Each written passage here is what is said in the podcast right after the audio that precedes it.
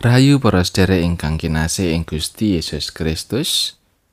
Matur nuwun panjenengan taksih miyarsakaken renungan patintenan basa Jawi Sabdo Winedar. Monggo kita sesarengan gegilut sabdanipun Gusti ing salebeting manah. Saderengipun kita ndedonga. Duh Gusti Allah Rama kawula kasuwargan. Kawula saos syukur kunjuk dumateng Paduka. Awit berkah pangrimat Paduka ing gesang kawula. Ing wekdal mirunggan menika, kawula sumadyo badhe nampi sabda pangandika paduka. Sumangga mugi Gusti pribadi ingkang maringaken sabda menika ing manah kawula. Duh Gusti kawula ngrumaosi menawi tasih kathah dosa panerak ingkang sumela ing gesang kawula. Mugi paduka kersa paring pangaksami. Wonten ing asmanipun Gusti Yesus Kristus kawula ndedonga. Amin. Maosan kapendet saking serat kolose bab setunggal ayat songo ngantos sekawan welas. Margo saka iku, wiwit aku oleh pawarto mau, ora pegat anggon kundungake kowe. Kang tak suwun supaya kowe kaparingono sakabe ing kawicaksanan lan kawruh kasukman kanggo nyumurupi bab karsane pangeran kang kalawan sampurno. Temah uripmu ana ing ngarsane bisa kalawan sapatute lan dadekake keparenge tumrap sadengah prakara. Lan sajrone nindakake sakabehing panggawe becik bisa metokake woh. Lan maneh saya mundak murni kawruhmu ing bab Gusti Allah. Lan maneh kowe padha kasantosakno sarana kakuatan panguwasaning kamulyane pangeran supaya bab anggonmu ngarsakake samubarang kabeh kalawan tumemen lan sabar. Sabanjure padha saos syukur kanthi bungah marang Sang Rama.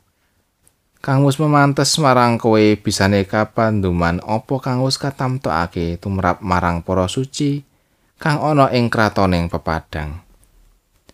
Panjenengane wis ngluwari kita saka panguwasaning pepeteng. Kalih menyang kratone sang putra kang kinasih. Ana ing panjenengane anggon kita duweni tetebusan, yaiku pangapuraning dosa. Makatan pangantikanipun Gusti ayat nat saking ayat songo. Marga saka iku, wiwit aku oleh pawarto mau, ora pegat anggon kundungake kowe. Kang tak suwun supaya kowe kaparingano sakabehing kawicaksanan. Lan kawruh kasukman kanggo nyumurupi bab karsane pangeran kang kalawan sampurno. Menawi kita mireng pawartos bab kawontenan sederek kita ingkang nembe sakit, wonten ing manah kita mesti tuwuh pepinginan kangge patuwen. Menawi mboten saged patuwen, paling mboten kita saged matur lumantar alat komunikasi kados to HP. Sasampunipun mangertos utawi mireng bab kawontenanipun, kita lajeng dongaaken. Wonten salah beting pakunjaran Rasul Paulus mireng pawartos saking Epafras bab kawontenanipun pasamuan ing kitha Kolose ingkang wekdal semanten nembe sami bingung awit nampi pangertosan anyar. Inggih menika piucal-piucal ingkang cengkah kalian menapa ingkang sampun dipun ucalaken dening Rasul Paulus. Rasul Paulus kepengin supados pasamuan ing kitha Kolose menika sami tuwuh ngrembaka ing babagan iman kapitadosanipun. Mboten gampil nampi piwucal ingkang blasar.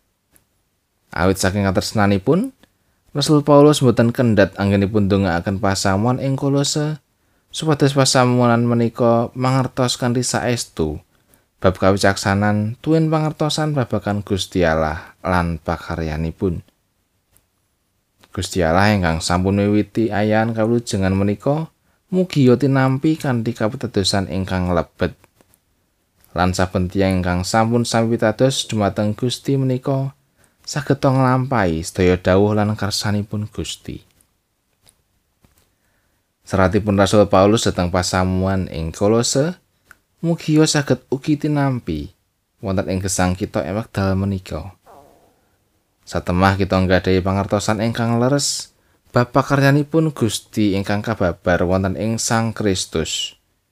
Soho mbudidaya gesang nyunaraken kamulyan tuwin kersanipun Gusti ing sauruting lampah kita amin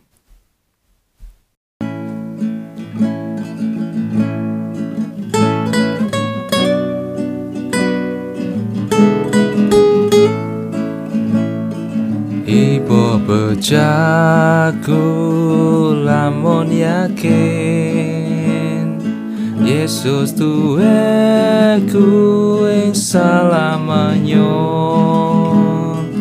Aku tebusan kagungane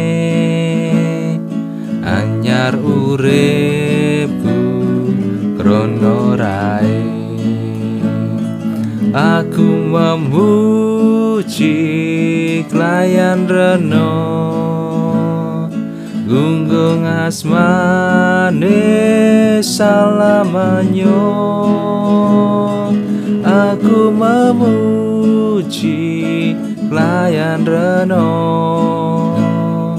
Gunggung asmane salamanyo